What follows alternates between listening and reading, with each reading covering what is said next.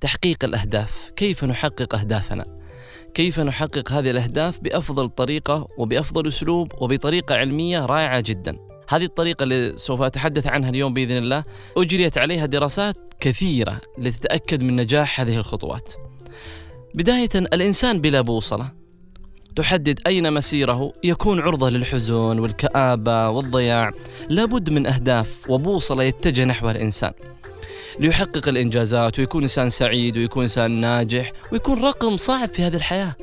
إذا إذا ما كان لديك بوصلة إلى أين تتجه سوف تكون عرضة لهذه الأشياء. كلنا لا نريد أن نكون أناس صفر على الشمال كما يقولون أو أناس حزينين أو أناس متضايقين لا لابد أن يكون إنسان له بوصلة يتجه نحوها ليكون إنسان سعيد. لابد للإنسان أن تكون له بوصلة لتوصله نحو السعادة والنجاح في هذه الحياة. سأبدأ بأولى هذه الخطوات.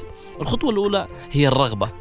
لابد أن تكون لك ولك أختي الكريمة رغبة جامحة لتحقيق هذا الهدف. أي هدف؟ تضعه أو تضعينه. هدف مالي هدف اجتماعي هدف عمل هدف نجاح هدف حصول على شهادة هدف تجاري. أي هدف لابد أن يكون لديكم رغبة كبيرة داخلية لتحقيق هذا الهدف. بدون رغبة يعني هدف آه، ممكن لو صار صار لو ما صار ما في مشكلة لا ما ينفع.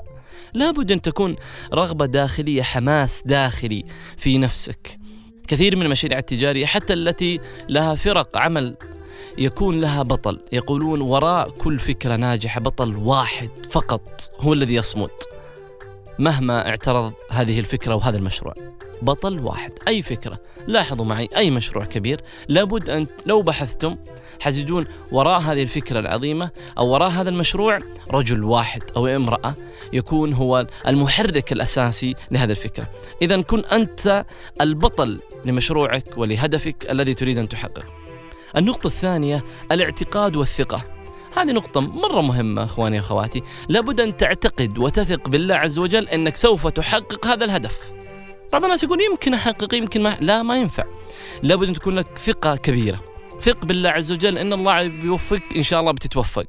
لا تقول يعني الهدف هذا ماني واثق والله بس بجرب، لا ما ينفع، لابد أن تكون عندك ثقة أنك سوف تنجح وتحقق هذا الهدف. النقطة الثالثة إخواني إخواتي اكتب أهدافك لابد أن تكتبي وأن تكتب أخي الكريم أهدافك بالتفصيل. ماذا تريد أن تحقق؟ لا تكتب هدف عام لي. اكتب لنفسك هدف دقيق جدا واضح لك تريد أن تحققه بوضوح. إذا رأيته عرفت ماذا تريد.